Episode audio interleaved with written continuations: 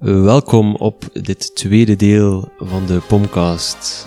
Meer mogelijk gemaakt door Interreg Vlaanderen Nederland, project Smart Energy Link. Mijn naam is Pieter Jan van de Wegen. Mijn naam is Gilles Kinget. En zoals jullie weten van vorige keer hadden we reeds een gesprekje met Kurt van der Hispai van Fluvius.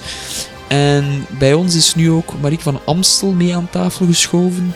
Uh, zij werkt voor uh, de Nederlandse tegenhanger Enexis.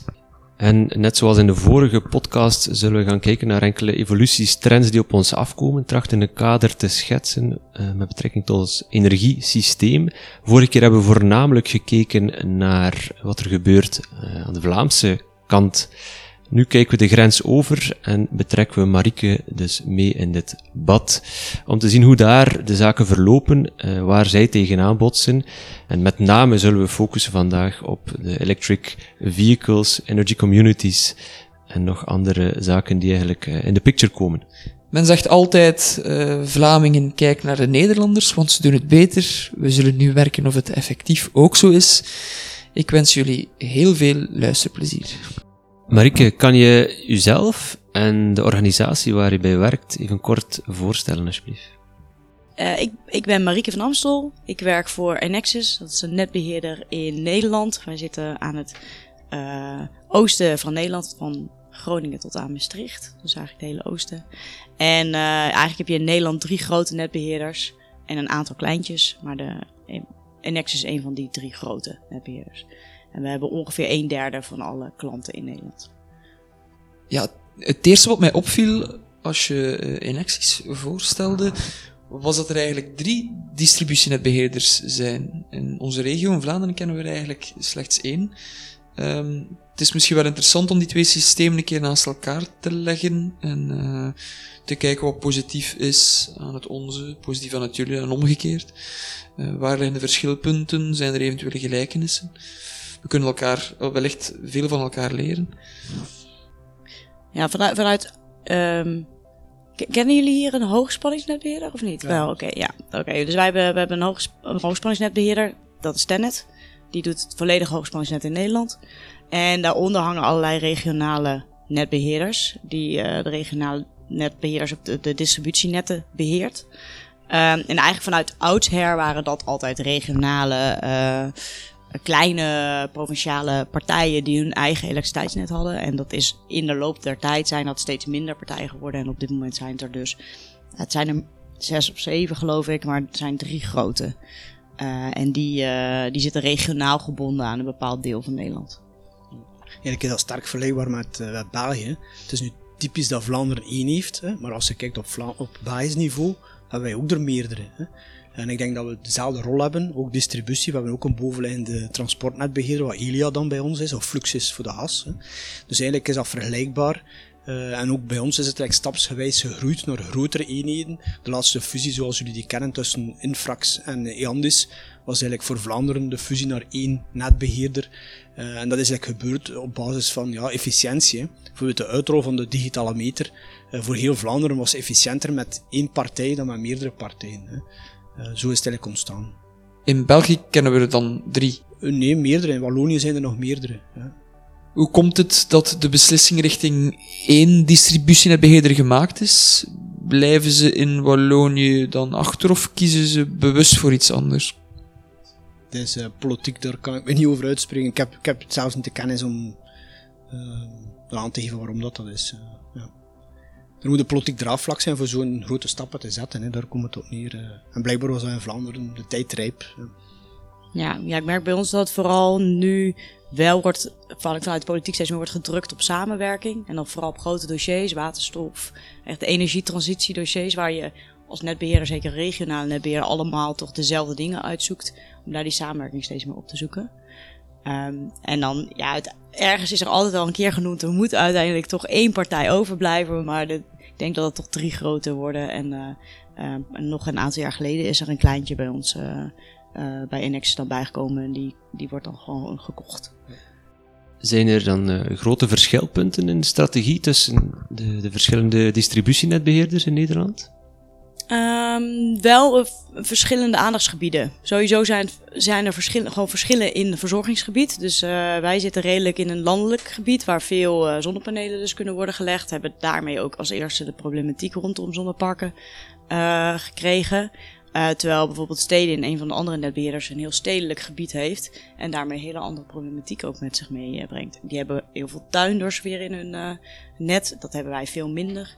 Uh, dus die hebben ook bijvoorbeeld met WKK's en dat soort dingen eerder andere problematieken gehad. Dus je ziet wel dat er verschil zit in aandachtsgebieden.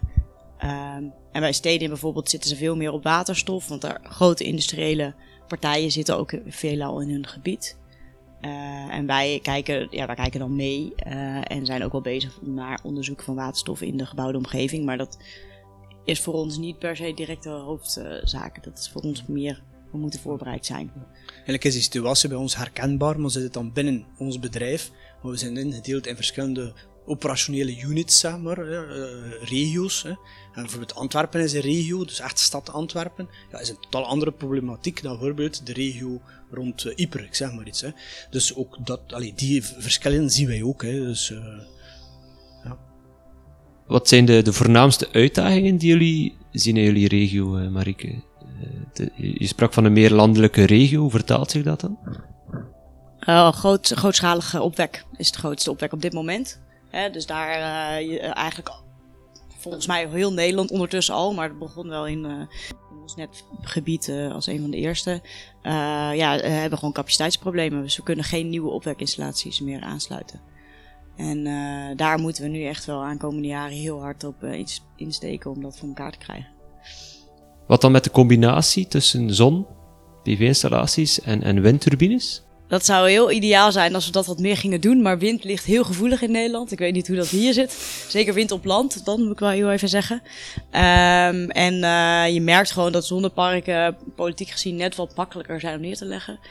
Uh, dus die, op dit moment wordt er veel al op zon geïnvesteerd. We weten wel dat na 2030 we eigenlijk niet meer anders kunnen dan ook richting wind gaan, omdat het gewoon het meest ideale is, die combinatie, uh, voor je netwerk. En dan kan je het veel efficiënter gebruiken. Maar dit, op dit moment uh, zijn de bewoners daar nog niet klaar voor. Dus dat is uh, de andere kant van het verhaal. En, en, en daarbij ook nog gezegd dat we nu wel zien dus dat de opwek, daar zit een hele duidelijke ja, incentive voor de overheid eigenlijk om daarop in te zetten. Maar de nieuwe sectoren komen eraan. Dus ook de vragende sectoren gaan elektrificeren. En dat wordt op dit moment nog niet echt meegenomen in de plannen. Dus je ziet nu dat er opwek komt op plekken waar eigenlijk helemaal geen vraag gecreëerd is uh, of gaat worden.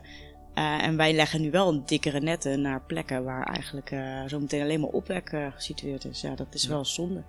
Ja, dat is wel een mooi punt, want uh, wij hebben gewerkt aan een visie 2050. En een van de punten van de visie 2050, dus we hebben 12 actiedomeinen gedefinieerd. En een van de actiedomeinen is eigenlijk het herinrichten van het elektriciteitsnet. En eigenlijk is het idee niet afzonderlijke kabels leggen voor productie, wat we vroeger deden. Hè. Windmolens, we leggen een grote kabel naar een transformatorstation om de energie zo snel mogelijk uh, weg te krijgen, bij wijze van spreken. Eigenlijk willen we nu meer die productie integreren in de afname. Dus eigenlijk windmolens in landelijk gebied proberen te verweven met de afname van een stad. Waardoor, je eigenlijk een beter evenwicht krijgt en eigenlijk de energie stroomt in één net uh, vlak, zoals wij dat noemen. Hè. Want hoe meer dat je moet optransformeren en terug naar beneden, zijn verliezen, zijn assets die je moet hebben enzovoort. Hè. Uh, maar dat is een uitdaging, want die windmolens komen juist door waar geen huizen zijn. Hè. Uh, we hebben er straks gehad over dat project tussen Lokeren en Gent. Dat is een project, dus straks zijn er voorbij gereden, denk ik, met je wagen. Um, ja, dat, die kabel ligt ook volledig nieuw, enkel voor windmolens. Hè. We zouden eigenlijk moeten meer ja, zoeken naar uh, die integratie. Ja, ja, en dat zie je nu ook bij ons al echt. Er is nu voor het eerst een probleem in het zuiden van, uh, van Nederland waar uh, het eerste duurzame bedrijventerrein gewoonweg niet aangesloten kan worden omdat de capaciteit er niet is. En als je daar veel integraler over nadenkt van nee, we gaan hier een bedrijventerrein creëren en maken, hoe gaan we daar ook opwerk bij situeren en hoe zorgen we dan dat dat energiesysteem al direct bij het begin van die plannen wordt meegenomen, dan krijg je gewoon een veel efficiënter en, en ook werkbaarder systeem. Wij, het is niet dat de netbeheerder niet wil, het is vooral dat er gewoon geen middelen en mensen zijn om dit te doen. En dat heeft elke netbeheerder. Ik ben met zo'n project geconfronteerd geweest. Ik denk dat het vijf jaar geleden is, op Linkeroever, dus de haven, maar die kant van de, van de schelde, zeg maar. Uh, en daar hebben we eigenlijk uh, ongeveer een veertigtal windmolens aangesloten. Maar we hebben een deeltje aangesloten op ons net, een deel op het net van Elia, dus op het transportnet, en een deel achter de teller bij de klant. Die dus onmiddellijk op de productie kon werken. En op die manier zijn we geslaagd om die windmolens op een vrij snelle manier met weinig investering te kunnen aansluiten. Hadden we die allemaal willen aansluiten op ons net rechtstreeks, had dat gigantisch veel gekost. Hè. Dus het is echt die denkoefening om ja, die, die, die samenwerking tussen de verschillende mogelijkheden te optimaliseren eigenlijk. Hè. Wat ik mag opmaken uit het gesprek is dat uh, Fluvius zich, minder zorgen baart over de sterkte van haar elektriciteitsnet. Nederland lijkt minder sterk uitgerust te zijn. En door de eerder geschetste evoluties uh, ook al met meer problemen geconfronteerd te zijn op dat vlak. Ja, we hebben daar al een beetje naar gezien, want wij horen natuurlijk en wij lezen in de krant. Hè. Uh, er zijn een aantal redenen waarom dat wij in Vlaanderen voorlopig, hè, want ik spreek over voorlopig, minder problemen hebben.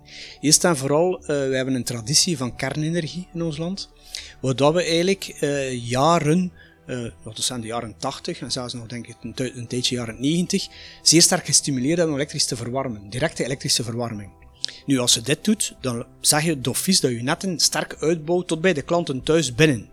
Dat betekent sterk laagspanningsnet, sterke aansluitingen, sterk aansluitvermogen. Dus daar hebben we eigenlijk een reserve gebouwd. Nu zijn die elektrische verwarmingen meer en meer afgebouwd, maar hebben we natuurlijk dat net liggen. Dus dat zie je wel een groot verschil met Nederland bijvoorbeeld. Als het gaat over middenspanningsnetten, eh, zijn we in een regio die... Toch vrij sterk geïnvesteerd heeft de laatste 15 jaar hè, in uh, netten. En daar zien we wel een verschil met andere regio's, onder Nederland, dat de investeringen lager geweest zijn. Waardoor dat wij nu wat meer reserve hebben. We kunnen zeggen, ja, misschien heb je te veel geïnvesteerd, maar nu komt het goed uit. Hè. Maar op een dag zal dat ook op zijn. Hè. Dus het is een kwestie van tijd, denk ik. En niet zozeer uh, allez, een verschil. Niet. Het is gewoon in de tijdslijn ja, zitten we op een ander punt. Hè. Ja. Um, maar alles wat er nog bij moet komen, komen wij ook wel op een bepaalde dag in de problemen. Hè. Ja, Nederland is echt een gasland. Hè? Dus wij zijn van oudsher hebben altijd heel, veel gas gehad. Uh, en, en, iets van de 98% van alle huizen zijn op gas net aangesloten. Ja. Uh, en eigenlijk pas, volgens mij, zeg ik het goed, vorig jaar of het jaar daarvoor is er een wet aangenomen dat nieuwbouwhuizen niet meer verplicht op gas moeten worden aangesloten. Dus even het idee hoe wij uh, ja. gas georiënteerd zijn geweest in de afgelopen tijd ook nog. ja, dat heeft bij ons gewoon letterlijk bij de klanten thuis, ja, ligt er um, een aansluiting van 17 kilowatt uh, technisch uh, vermogen. Maar ze mogen eigenlijk in onze berekeningen niet meer dan 2 tot 4 afhankelijk van het net gebruiken. Maar ze, de, de aansluiting die ze kunnen gebruiken is vele malen hoger. En dan snap je ook dat als er een auto bij zo'n huis bijvoorbeeld gaat laden, of ze gaan elektrisch verwarmen of elektrisch koken, um, ja, dan kom je al heel snel boven die, die uh, in ieder geval berekende ja. waarde waar ons net op uitgegeven. Ja, het, het, eh, het, systeem hier bij ons is, we hebben eerst ingezet op dat elektrisch. Hè, en dan zijn we ook overgegaan naar gas. Waardoor we natuurlijk die elektrische capaciteit die we vroeger voorzien hadden, ja, nu vrij hebben voor elektrische wagens enzovoort. Hè. Dus uh, in de meeste huizen elektrisch laden van een wagen op 4 kilowatt is geen enkel probleem bij ons in Vlaanderen. En we hebben dan nog het geluk dat heel veel mensen een thuisparking hebben, parking of oprit. Dat is ongeveer 70% van de gezinnen vergeleken bij Nederland is het ongeveer het omgekeerde. Ja, precies, ja. Uh, dat maakt enorm allee, een, een, voorsprong die wij hebben op het, de capaciteit om elektrisch te gaan rijden. Ja, wij hebben 70% van de inwoners heeft geen eigen parkeerplek ja. ongeveer. Dus die gaan publiek laden. En dat betekent ook weer dus een publieke investering in laadpalen op de straat. Anders kunnen ze gewoon weg niet elektrisch gaan rijden. Ja, in Vlaanderen hebben we al kennis gemaakt met de digitale teller. Uh, het was een beetje op een pijnlijke manier, dat geven we grif toe. Maar uh, Marikie zei in het, uh, in het voorbereidend gesprek dat er in Nederland ook een soort van terugdraaiende teller in voegen is. Ehm, kan je ons even vertellen hoe die situatie daar nu momenteel loopt? Of, of waar jullie momenteel staan op dat vlak? Vanuit Europa moeten we gewoon een digitale meter uitrollen, net zoals uh, België dat doet. Hè, dus dat doen wij ook. Uh, ik durf geen aantallen te noemen hoeveel het nog is, maar in principe is de digitale meter wel de meest voorkomende meter die er nu gewoon in Nederland is. Uh, je mag hem in Nederland wel weigeren, dus dat is wel een, hè, daar kan je nog steeds iets in doen als klant. Um, en je kan hem ook nog eens uitzetten, dus dat eigenlijk de digitale meter dom is en, en vervolgens dan geen signaal uitstuurt. Dus dat is ook nog een optie. Dan overigens kan die, heeft hij wel verschillende tellers, hè, dus dan heb je niet meer het hele idee dat hij terug kan draaien. Uh, en wat ook een verschil is, wat ik begreep, is dat wij nog een salderingsregeling hebben. Dus wij, uh, bij ons is er nog wel een administratieve afhandeling van je opwek. Wat wordt afgetrokken van je, uh, van je verbruik. Waardoor het ook minder een, een issue is voor bewoners. Want ze mogen het gewoon administratief nog met elkaar verrekenen. Dat was het idee bij de invoering van de digitale meter om hetzelfde concept ongeveer toe te passen in Vlaanderen. Om via de tellers van de digitale meter het analoge systeem te simuleren eigenlijk. Uh, maar dat is dus niet weerhouden. Dat was het hele geval op het grondwettelijk hof die niet weerhouden is. Men moest de digitale meter gebruiken zoals hij bedoeld was. En dat was natuurlijk ja, het grote probleem. Ja, uh, de toekomst was plots uh, vandaag. Ja, aan de ene kant denk ik van het is een uh, waarschijnlijk een bittere boodschap, maar aan de andere kant is het ook hoe het energiesysteem is. Hè? En als er een elektriciteit wordt opgewerkt, dan moet het ook op dat moment worden gebruikt, want er is gewoon heel weinig opslag mogelijk. We hebben batterijen als eigenlijk meest ideale medium nog, maar dat is voor enkele uren, slash minimaal, maximaal een dag of zo. Dus je kan opslaan, maar echt langdurige opslag hebben we gewoon niet. Dus uh, op dit moment is het heel moeilijk om zonnestroom in de zomer, in de winter te gebruiken. En dat is eigenlijk wel wat je administratief aan het doen bent. Ja. En dat maakt ook echt niet heel gek om te zeggen, we moeten gewoon een harde knip. Dat is een beetje een zure ja. En alle technische dingen die er zijn om die zomerenergie te verplaatsen naar de winter, ja, gaan gepaard met enorme rendementsverliezen. Hè. Denk aan de omzetting naar waterstof en dan waterstof gebruiken om nieuwe elektriciteit te produceren of direct te gebruiken. Ja, dan verlies je gemakkelijk 50% van je energie. Hè. Dus de beste oplossing is eigenlijk energie gebruiken als het er is. Hè. Ja, dat is een totaal andere redenering. Hè. Anders gebruiken we en we hopen dat de energie uit het net komt. Maar dat is, dat is de grote ja, uh, mentaliteitswijziging die er moet gebeuren eigenlijk. Hè. Ja, dat is eigenlijk ook hoe het hele net altijd is uitgelegd. Dus vanuit oudsher, nou hier hoor ik dan, uh, is al kernenergie gebruikt. We hadden veel gascentrales, kolencentrales. En die worden gewoon ook bijgeregeld zodra er meer stroom nodig is. Dus eigenlijk is de hele dag is er, nou ja, bewijzen van iemand bezig om dat heel netjes te regelen, even heel simpel gezegd. En dat wordt op minutenbasis, secondenbasis gedaan. Um, ja, en we gaan zo meteen naar een systeem waar de zon en de wind bepaalt hoeveel energie er is. Uh, maar moet je dus ook aan vraagzijde ineens meer flexibiliteit hebben om dat op elkaar te kunnen afregelen. Uh, en dat is uh, nou, iets waar de digitale meter voor nodig is en heel veel andere zaken ook. Om zo continu op elk moment van de dag die, die balans in je energiesysteem te behouden. In het eerste deel van de podcast spraken we al over het capaciteitstarief in Vlaanderen. Kennen jullie in Nederland een tegenhanger? Welke vorm heeft die?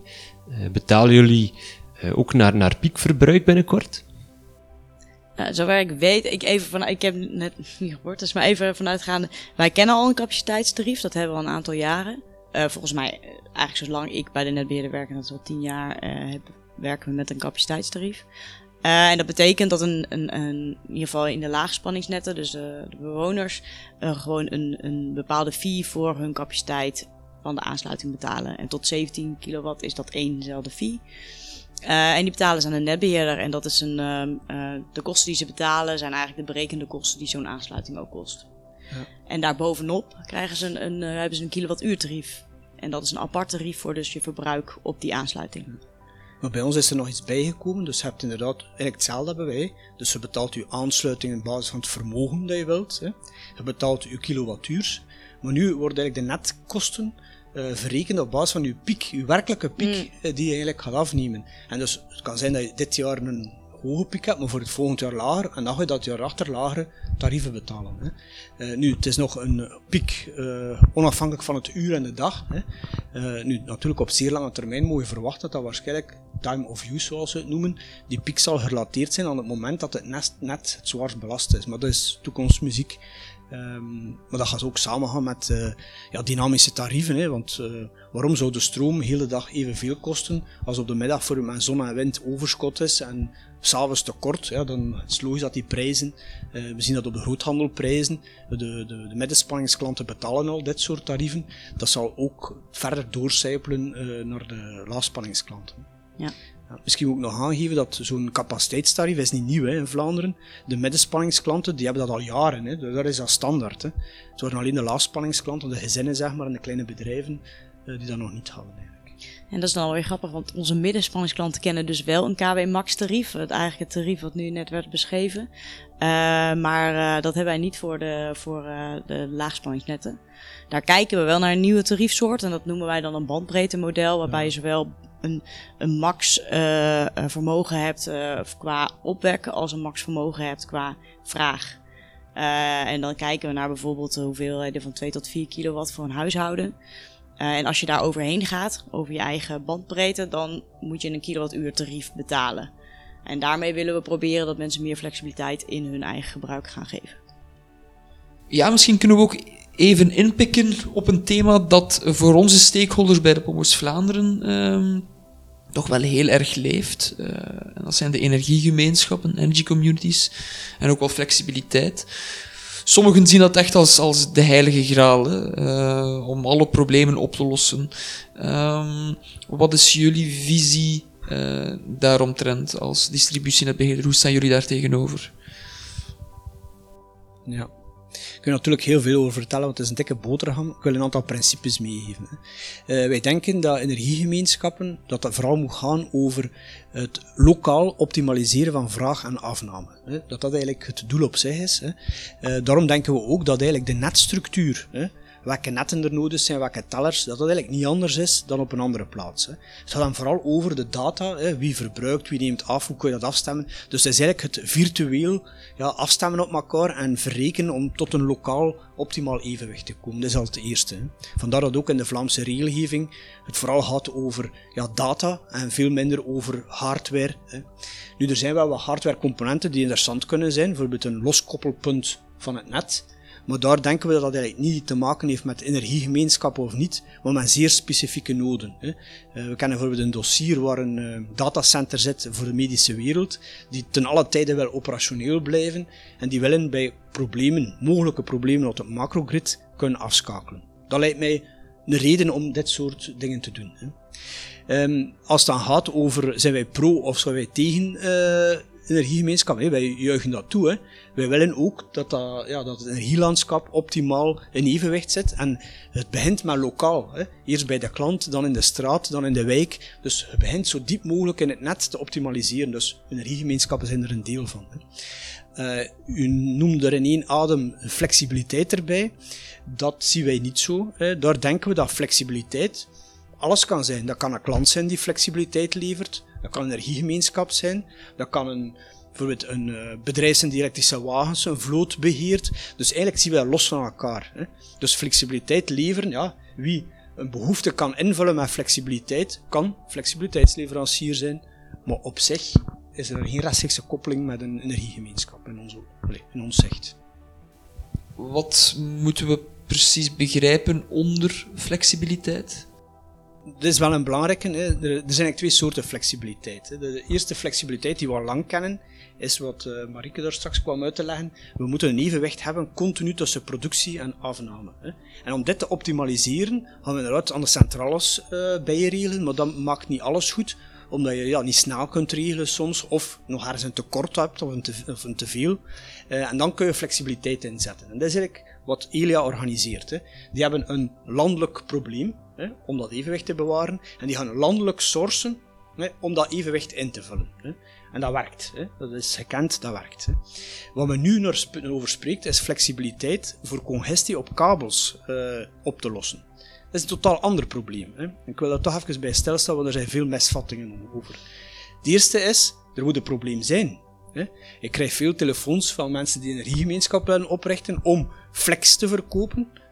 Als er daar lokaal geen probleem is, kunnen die ook niks verkopen. Hè. Daar begint het al mee. Hè. En we hebben er straks al aangegeven dat er vandaag weinig problemen zijn. Hè. Dat is al één.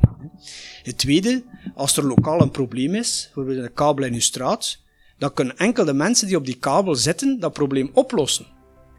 Dat betekent dat je samen met je buren, dat zijn soms maar 10 mensen, of maximum misschien 100, een oplossing moet bieden. Hè. Als dat natuurlijk kerstavond is, waar iedereen aan het koken is, hè, dat de, de, de, de kalkoen in de oven zit en de buren komen op bezoek en het licht brandt enzovoort, dat wordt wel moeilijk. Hè. Wie gaat dan zijn elektriciteit afzetten die avond? Oké. Uh, het volgende is eigenlijk, wat mag die flexibiliteit kosten? Uiteindelijk, flexibiliteit is een alternatieve oplossing voor bijvoorbeeld een kabel. Hè. Dus we kunnen kijken wat kost een kabel hè, voor 40, 50, 60 jaar dat die kabel er ligt. Hè. Uh, in Frankrijk hebben ze daar een studie rond gedaan en dan komt men zo gemiddeld uit aan zoiets van 25 euro per aansluiting per jaar. Dat betekent dat je voor flexibiliteitsvergoeding, hè, dus het is eigenlijk een alternatief, dat zou moeten goedkoper zijn dan de, ja, zeg maar de stomme standaard, als ik het zo mag noemen, de kabel. Hè, want die ligt er dan voor, voor zoveel jaar zonder omkijken. Hè. Die moet goedkoper zijn. Hè. Dus het budget om flexibiliteit aan te kopen bij een particulier is super, super laag. Hè. Dus het idee dat flexibiliteit morgen de, de, de houden inkomsten zijn, dat, wil ik toch een beetje nuanceren. Hè. Maar hoor mij niet zeggen dat het geen waarde heeft. Hè.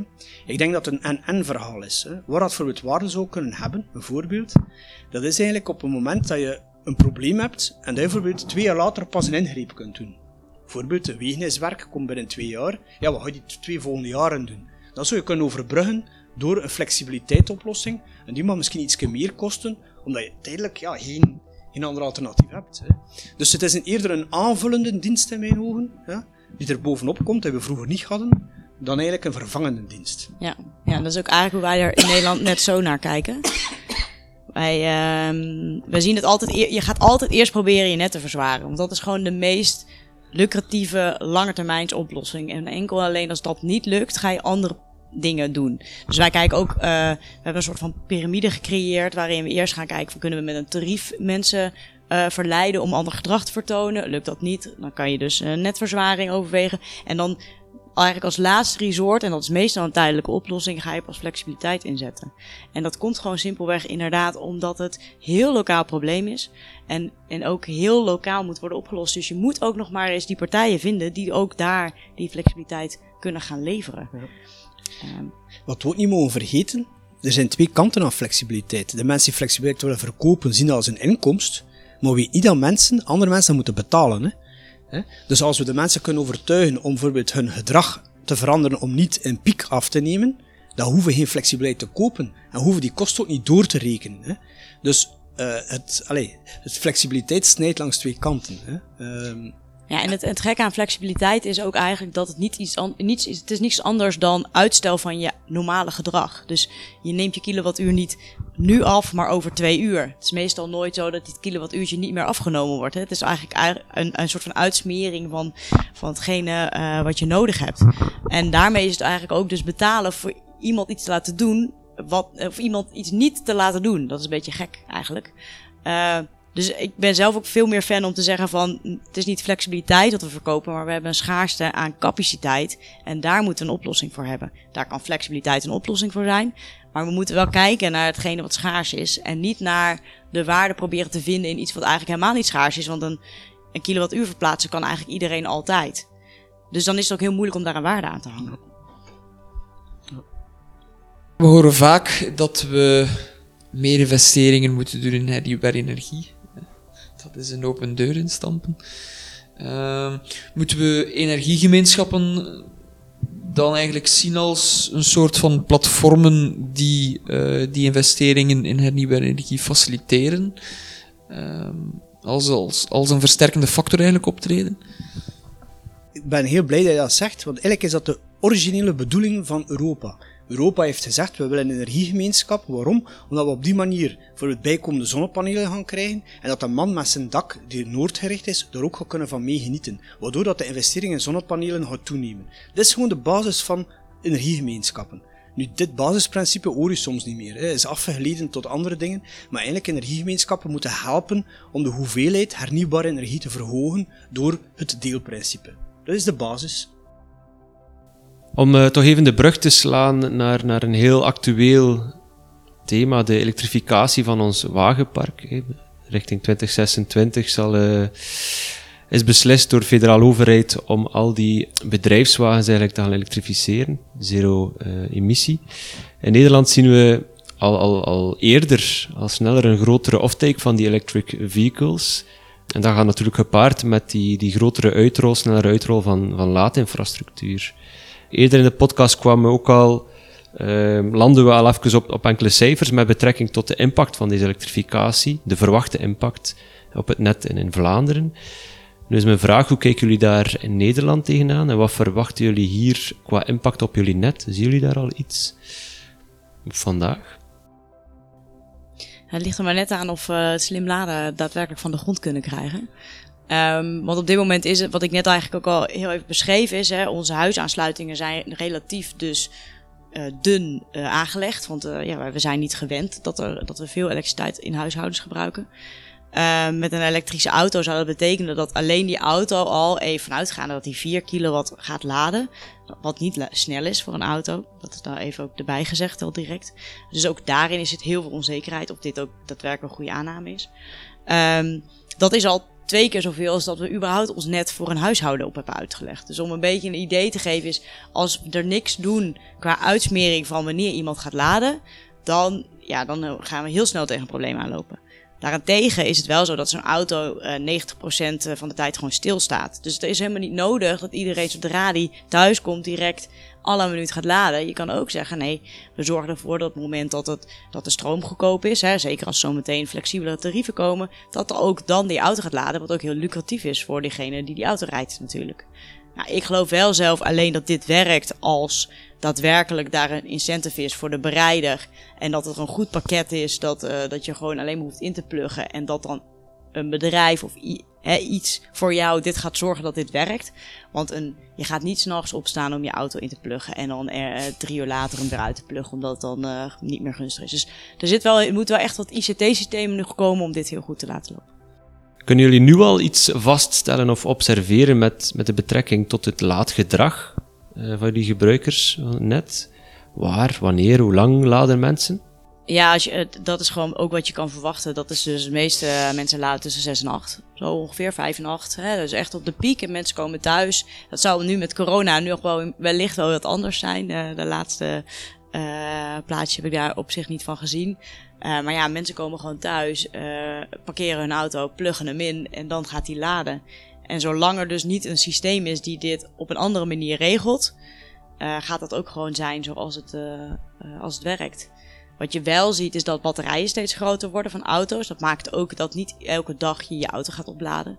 En zeker in Nederland, waar we enorme parkeerdruk hebben en mensen publiek uh, een publieke parkeerplaats en publieke laadpaal moeten gebruiken, dan zie je wel dat dat dus maar één keer in een zoveel tijd gebeurt. Als die laadpaal niet beschikbaar is, dan kan je hem ook niet aan de laadpaal zetten.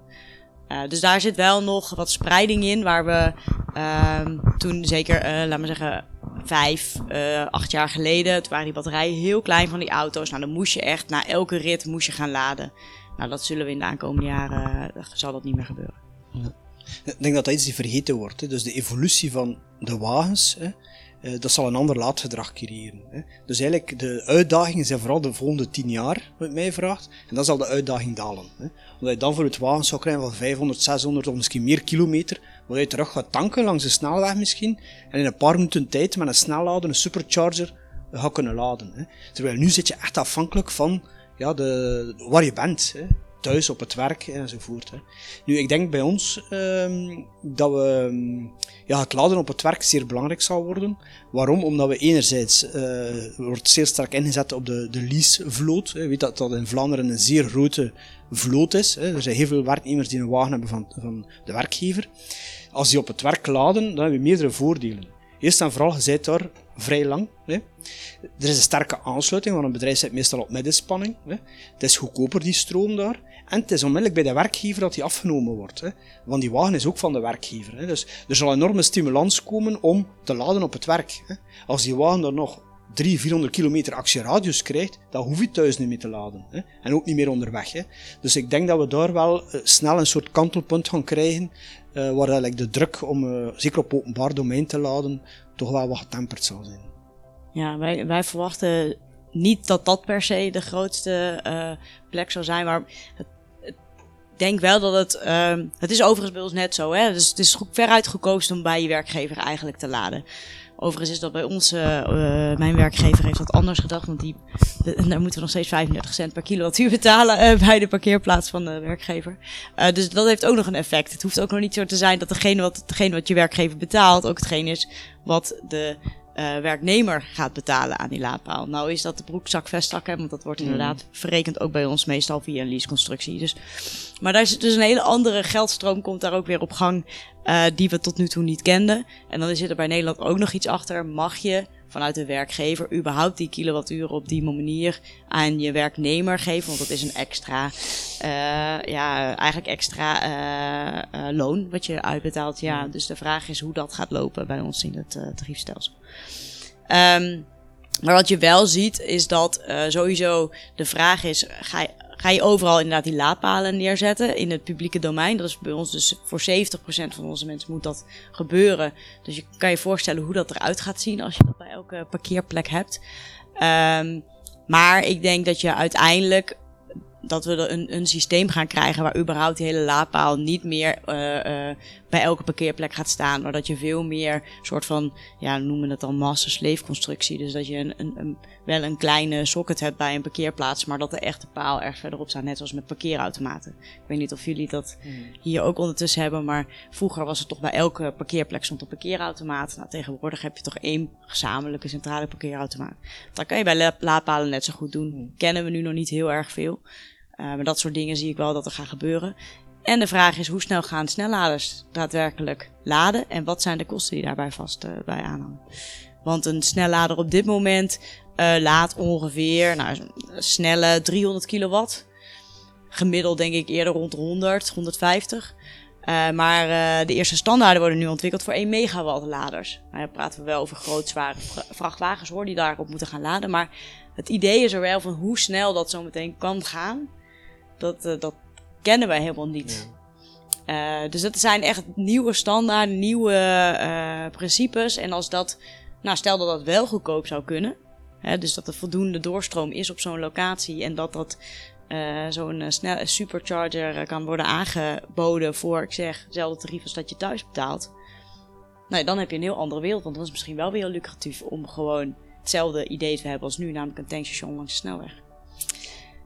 Ik zelf vind, vind overigens thuisladen persoonlijk heel fijn, omdat ik gewoon niks hoef te doen. Ik kom nooit meer bij een tankstation behalve om een broodje of een, uh, een drankje te halen. Maar voor de rest stop ik daar niet om uh, nog vijf minuten te gaan staan om te gaan tanken. Dus dat, ik vind zelf het principe dat een tankstation er is, is ook nog wel weer iets ouderwets. Dus misschien dat we daar ook nog wel heel anders naar gaan kijken.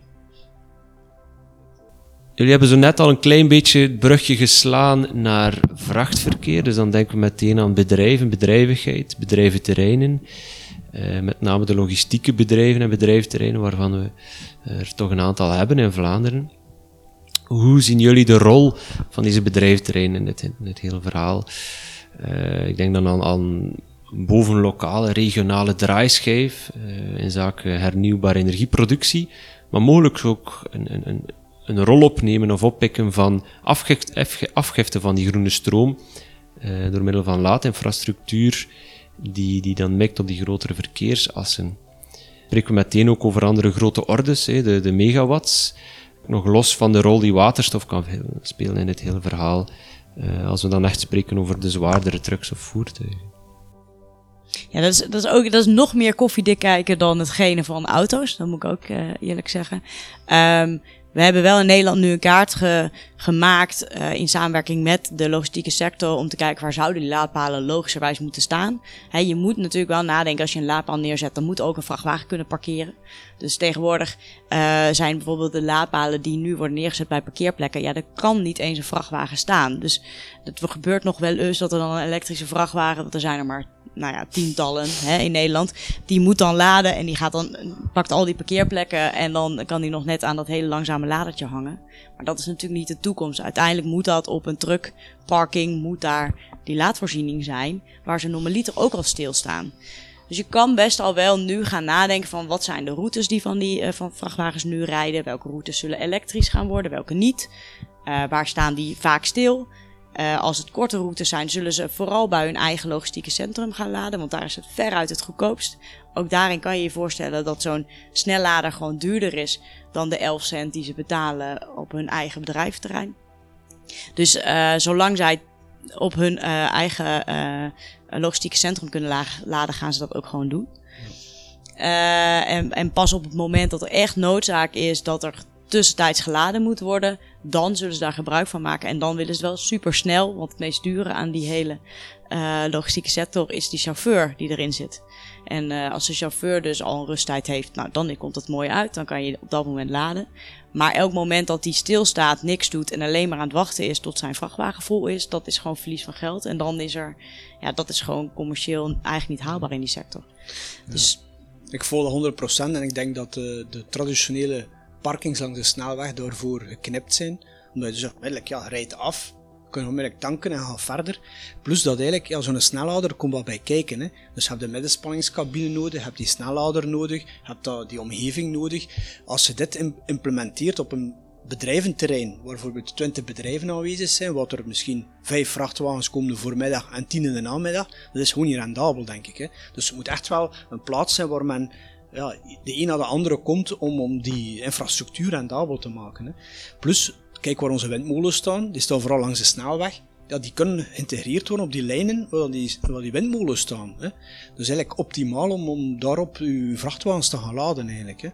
Dus ja, ik denk dat dat eerder uh, de, de snelweginfrastructuur zal zijn die daar zich zal voorlenen. Hè. Ja, wij hebben ook voor die, die, die, kaart zijn we wel uitgegaan, ook van, van die infrastructuur. Alleen al met het feit dat je weet dat ze ook niet om willen rijden. Want elke kilometer langer die je rijdt, kost geld. Dus er zitten echt best wel veel dingen in waar je al nu over na kan denken. Ondanks dat je nog niet weet wat de techniek precies gaat zijn. Welke vrachtwagens er ook zijn. Want uh, ook daar wordt natuurlijk die batterie, batterijcapaciteit steeds groter. Um, je weet ook nog niet precies uh, um, of, of inderdaad waterstof versus elektrisch, wat, wat daar de, uiteindelijk de winnaar wordt. Want dat is ook nog een race die gewoon nu gaande is in het vrachtvervoer. Maar een aantal dingen kan je al wel bedenken en uh, daar zijn we wel op voor aan het bereiden. De autosnelwegen zijn op vandaag ook de plaatsen natuurlijk waar de logistiekers zich op enten. Hè? Ja, je wilt ook die vrachtwagens niet door een aantal gemeenten laten rijden om te gaan tanken. Hè. Dat is... Allee. Je wilt die gewoon op de grote assen houden en zo veel mogelijk weghouden van het lokale verkeer eigenlijk. Hè. Ja, en daarbij uh, vaak denken mensen direct aan die ene vrachtwagen die uh, naar Noord-Italië rijdt. Maar de meeste vrachtwagens blijven gewoon in het land zelf. Ja. En rijden niet meer dan een paar honderd kilometer op een dag. En die doen een vast rondje, hebben een aantal laad- en losmomenten. En daar kunnen ze ook gewoon prima weer laden, als dat maar gewoon op goed op elkaar is afgestemd. Ja. Iemand vroeg me een keer, ja, is dat niet logisch dat we uit supermarkten zo'n laadpunt zouden hebben? Die vrachtwagen die staat daar een kwartier. Hè. Die komt iedere dag een kwartier. Ja, daarvoor ga je geen laadinfrastructuur uitbouwen. Hè. Het lijkt natuurlijk logisch, want die staat toch stil om te lossen. Maar ja, je moet ook rekenen met de, ja, de kostprijs van die infrastructuur en eh, alles die erbij komt kijken. We weten allemaal dat die investeringen in hernieuwbare energie eh, dat die heel hard moeten versnellen. Um, maar bij heel wat actoren in ons systeem, neem nu bijvoorbeeld de regulator VREG, staat dat niet specifiek in hun taakomschrijvingen om mee te pushen naar die uitbouw in energieassets. Um, zou het niet beter zijn als al die stakeholders aan eenzelfde zeel trekken en dat allemaal meenemen in hun ja, uh, keywaarden of belangrijkste waarden of in hun analyses?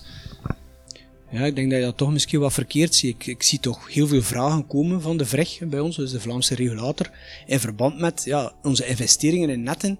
In welke richting evolueren die? Evolueren die in richting hernieuwbare energie? Evolueren die in, zoals u daar straks zei, bijvoorbeeld geen nieuwe wijken meer aansluiten op gas enzovoort? Die instructies krijgen wij. En wij passen onze plannen, onze financiële plannen aan daaraan, hè, om te laten goedkeuren door de VREG. Dus wij moeten eigenlijk onze investeringen neerleggen die moeten goedgekeurd worden om dan te mogen doorrekenen in de tarieven. Dus dat gebeurt wel degelijk. Hè. Dus ook de VREG is zich uh, bewust van de klimaatproblematiek uh, en energietransitie. Hè. Dus het is wel degelijk aan de orde. Hè. Nu, ik weet niet precies op wat je zeer concreet bedoelt, maar in grote lijnen is dat wel zo. Hè.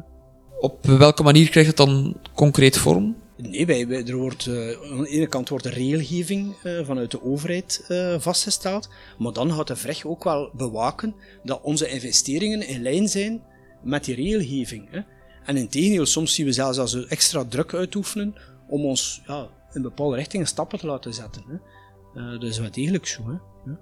Marike, jullie hebben ook een, een regulator in Nederland, mag ik veronderstellen? Ja, zeker. Wij hebben de ACM, En ACM is onze regulerende partij en die bepaalt dus ook uh, mede, uh, moeten wij laten zien dat de investeringsbeslissingen die wij willen gaan doen ook passen bij nou ja, de, de, de, de, de uitbreidingen die nodig zijn, laten we zeggen. Dus we kunnen niet zomaar, even tenminste, je kan als netbeheerder wel beslissingen maken, maar je moet ook wel aantonen dat dat past binnen de kosten die je uiteindelijk aan je klanten wil doorberekenen. En ja, daar reguleert de ACM bij ons over. Ja. Iets wat, wat we nog niet aangeraakt hebben, de energiefactuur. Uh, die ziet er wellicht in Nederland iets anders uit dan bij ons in Vlaanderen. Ik, ik, durf niet te zeggen hoe die hieruit ziet. Bij ons is die zeer onoverzichtelijk, dat weet ik zelf wel. Wij hebben zeer veel uh, aparte uh, uh, noem je dat, bedragen en dingen op de factuur staan. Uh, alle aparte meters, zeker als je ook nog opwek hebt, staat er allemaal apart op vermeld. En ik moet eerlijk zeggen, als ik hem zie, dan denk ik altijd zelf al... Ik snap niet helemaal wat het is, maar dit is onderaan de streep wat ik moet betalen. Ik denk dat elke consument dat heeft in Nederland. Maar in principe staat alles er wel op. dat is wel zo. Misschien leuk om mee te eindigen. Die, die nieuwe vormen van decentralisatie, daar roept heel vaak bij de mensen een associatie op met democratisering van ons elektriciteitssysteem of ons energiesysteem. Um, maar is dat ook effectief zo? Hoe zien jullie dat? Uh, gaat zo'n decentralisering er automatisch voor zorgen dat het energiesysteem zal democratiseren en zorgen voor meer sociale rechtvaardigheid? Of zie ik het nu veel te looskleurig in? Ik vind hem wel heel rooskleurig, want ook voor uh, decentralisering en dus, laten we zeggen, opwekplaatsen op uh, de laagste plekken in ons net, betekent dat iemand moet gaan investeren. En de mensen zijn nog steeds degene die investeren en een elektrische auto rijden zijn de mensen die meer geld hebben. Tenminste, dat is in Nederland zo.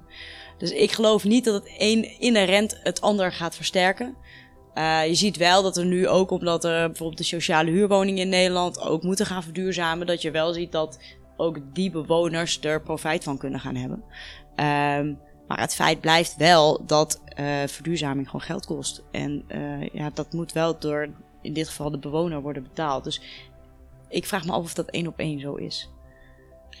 Ja, dat volg ik 100 procent. De, verduur, de energietransitie zal geld kosten. En dat moeten we durven zeggen. Hè. Er wordt dikwijls uh, ja, dat ontweken. En er worden ook allerlei maatregelen genomen om het ja, toch niet te hard te laten aankomen. Maar het zal geld kosten. Hè. Nu, hoe meer dat we alle mensen kunnen betrekken, hè, bewust maken en ook bekwamen in ja, hoe kunnen ze ermee omgaan, hoe minder dat zal kosten. Hè. Natuurlijk, de vraag is hoe geslagen erin om iedereen mee te krijgen, ook in dezelfde snelheid. Hè. Um, dat is niet evident. Hè. De, ik heb er straks al verwezen naar een enquête die we afgenomen hebben, waar dat blijkt dat heel weinig Vlamingen de energietransitie snappen. Waarom doen we dat? Wat moet er gebeuren? Wat kan ik bijdragen? Veel denken, de overheid zal het voor mij regelen. Dus het idee van Europa om de burger centraal te zetten in de energietransitie is zeker een goede zaak. Maar om het te doen, daar is wel uh, nog een lange weg te gaan. En ik denk dat het ook iets is ja, van, van ons allemaal, hè, om iedereen mee te nemen en, en te helpen. Maar het zal met, uh, niet allemaal met dezelfde snelheid zijn, denk ik. Ja. En het is ook super on, ah, het is niet tastbaar. Hè? Je kan niet een kilowattuurtje vasthouden of zo. Dus je hebt helemaal geen idee hoe dat werkt. Iedereen steekt gewoon een stekker in stopcontact en dan ga je je, je iPhone laden, bij wijze van. En daar denk je niet over na dat dat geld kost op dat moment. Of wat dat, hoe dat wordt opgewekt. Ja. Dus het is ook zo, alle mensen zijn anders. Hè? We zijn met vier rond de tafel. Misschien hebben we alle vier een andere insteek. Misschien bent u meneertje gemak, u bent meneertje zekerheid, hè? u bent mevrouw status en ik ben misschien meneer winst. Ja, dan ga je helemaal om, anders om met die zaken. Hè? Er zijn mensen die 200 euro extra, in een jaar, pff, who cares? Hè? Eh, terwijl voor andere mensen is dat juist heel veel. Dus het is niet zo, zo gemakkelijk om te zeggen, we gaan nu een keer allemaal dezelfde beweging samen doen. En, ja, maar het wordt een uitdaging om iedereen mee te krijgen. En welke wordt dan vervolgens de moeilijkste van die vier uh, die je net noemde? Misschien hebben we allemaal iets van, van alle vier. Hè? Ja. Uh, nee, ik denk dat, dat ja, binnen het gezin zijn er misschien vier verschillende. Hè? Als ik mijn vrouw zou vragen om de wasmachine op te zetten als ik vind dat de zon schijnt, dat zal niet lukken. Hè?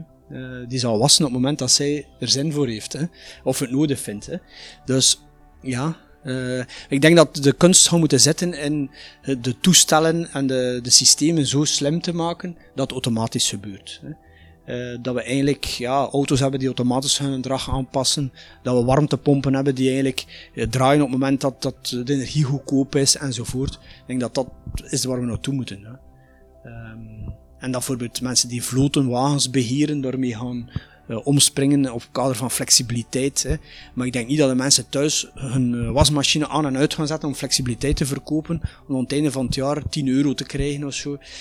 Ik denk dat dat. Uh, ja, Overigens hebben, hebben we daar een, een, een, pilot in gedraaid. En het was wel zo'n heel slim huis hadden we gemaakt. En eigenlijk het systeem wat hier net werd beschreven, hadden we uh, in die uh, huizen ook geïmplementeerd. Dus al een slimme wasmachine, slimme, alles werd op elkaar afgestemd.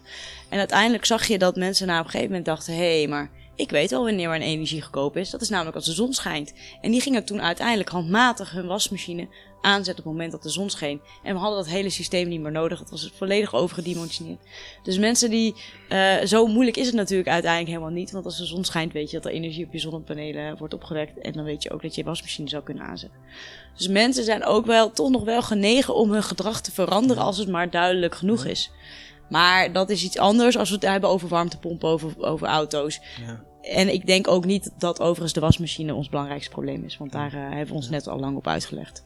En ik heb ook in Vlaanderen een heel mooie leerschool. Hè. We hebben jaren nachttarief gehad. Hè. Ik was aan een vorm van ja, systeem dat we eigenlijk enkel tussen bepaalde uren een bepaalde teller konden gebruiken om bijvoorbeeld de verwarming te laten draaien. Mensen hebben jaren mee geleefd. Hè.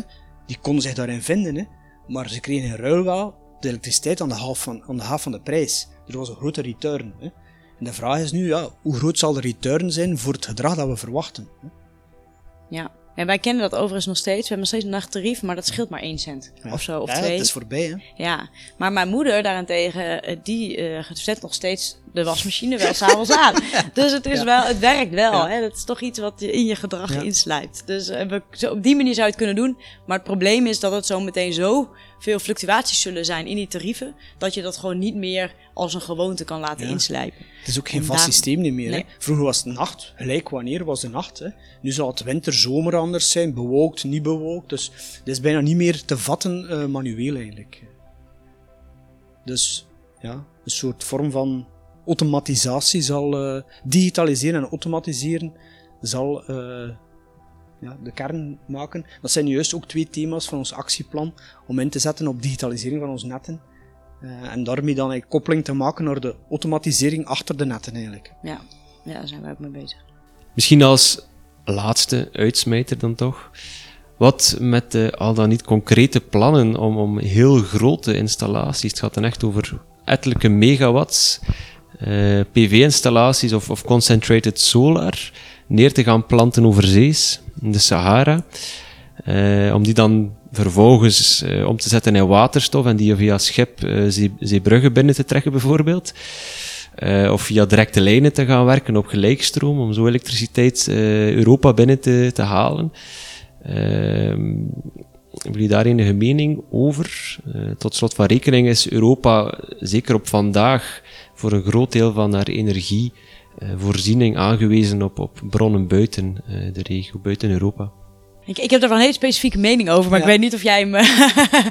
ik vind het zelf moeilijk, uh, maar dat is meer een ethisch verhaal. Dat wij zonnepanelen willen neerleggen op een plek in, in de wereld waar het al moeilijk genoeg is om überhaupt mensen nu al energie te voorzien. Hè, in Afrika is het gewoon nog steeds zo dat er dorpen zijn die geen elektriciteitsaansluiting kennen. En wij hebben dan als Europa bedacht dat het een goed idee is om daar in de Sahara, waar overigens geen water is, waterstof te gaan maken. Ik vind dat moeilijk. Ik vind het zelf vooral een ethisch ding overigens, waarvan ik denk van waarom gaan we weer op deze tour, terwijl we veel beter uh, in mijn optiek kunnen kiezen hoe kunnen we dat nou als Europa oplossen. We hebben ook in Europa prima plekken waar wind goed uh, uh, opwek uh, genereert. Uh, we hebben in Spanje en in Portugal ook goede plekken waar zon heel fantastisch neergelegd kan worden. Ik vind de Sahara niet zo'n goed voorbeeld. Ik geloof wel in een internationale waterstofmarkt. Dat is een andere kwestie. Um, en waar die dan opgewekt wordt, dat kan ook net zo goed in de Arabische landen. waar ze natuurlijk ook gewoon nog steeds olie op dit moment landen zijn. Die ook gaan te kijken zijn naar waar moeten we naartoe. Uh, en daar geloof ik echt wel in dat er uiteindelijk een internationale waterstofmarkt gaat ontstaan. De vraag is alleen wanneer en is dat vroeg genoeg om daadwerkelijk deze, ik weet niet hoe hier de hype is, maar in Nederland is de hype best groot op waterstof, uh, te gaan echt in die mate te gaan laten lukken. Want op dit moment is groene waterstof belachelijk duur. Ja, er is een grote hype rond waterstof, hè. maar dat lijkt toch altijd wat te verzanden in, in, praktische uitvoering, heb ik het gevoel. Maar ik zal ik een keer een vraag stellen nu aan jullie. Hebben jullie een idee hoeveel eh, vermogen in verhouding via de gaspijpen eh, verdeeld wordt eh, in ons land, ver- vergelijkbaar met elektriciteit? Nou, iedereen zegt we moeten van het gas af, alles elektriciteit. Heb je een idee van hoe dat die verhouding ligt?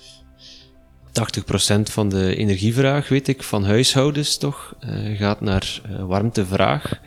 Dus dat betekent automatisch eh, gaat naar gas. Ja, maar pak de industrie erbij gewoon globaal. De, de kilowattuur zeg maar, die door de leidingen gaan, dat is factor 7. Hè. Dus 7 keer meer via gas dan elektriciteit. Dus als we allemaal moeten opvangen met groene stroom, dan kun je je voorstellen, we hebben nu 20% groene stroom. En eigenlijk is dat maar een achtste van onze energie. Hè. Eh, we hebben nog heel wat te doen. Hè. En we zijn natuurlijk allemaal voorstander voor de korte keten, maar in onze kleine landjes eh, zal dat niet lukken. Hè. We hebben gewoon Nee. niet genoeg ruimte om eigenlijk eh, zelfbedruipend te zijn. Dus er zal energie, wat het dan ook is, hè, is het dan groene stroom of is het groene gassen of wat weet ik veel, er zal energie moeten binnenkomen. Dat is duidelijk. Hè. Maar van waar en hoe? Precies.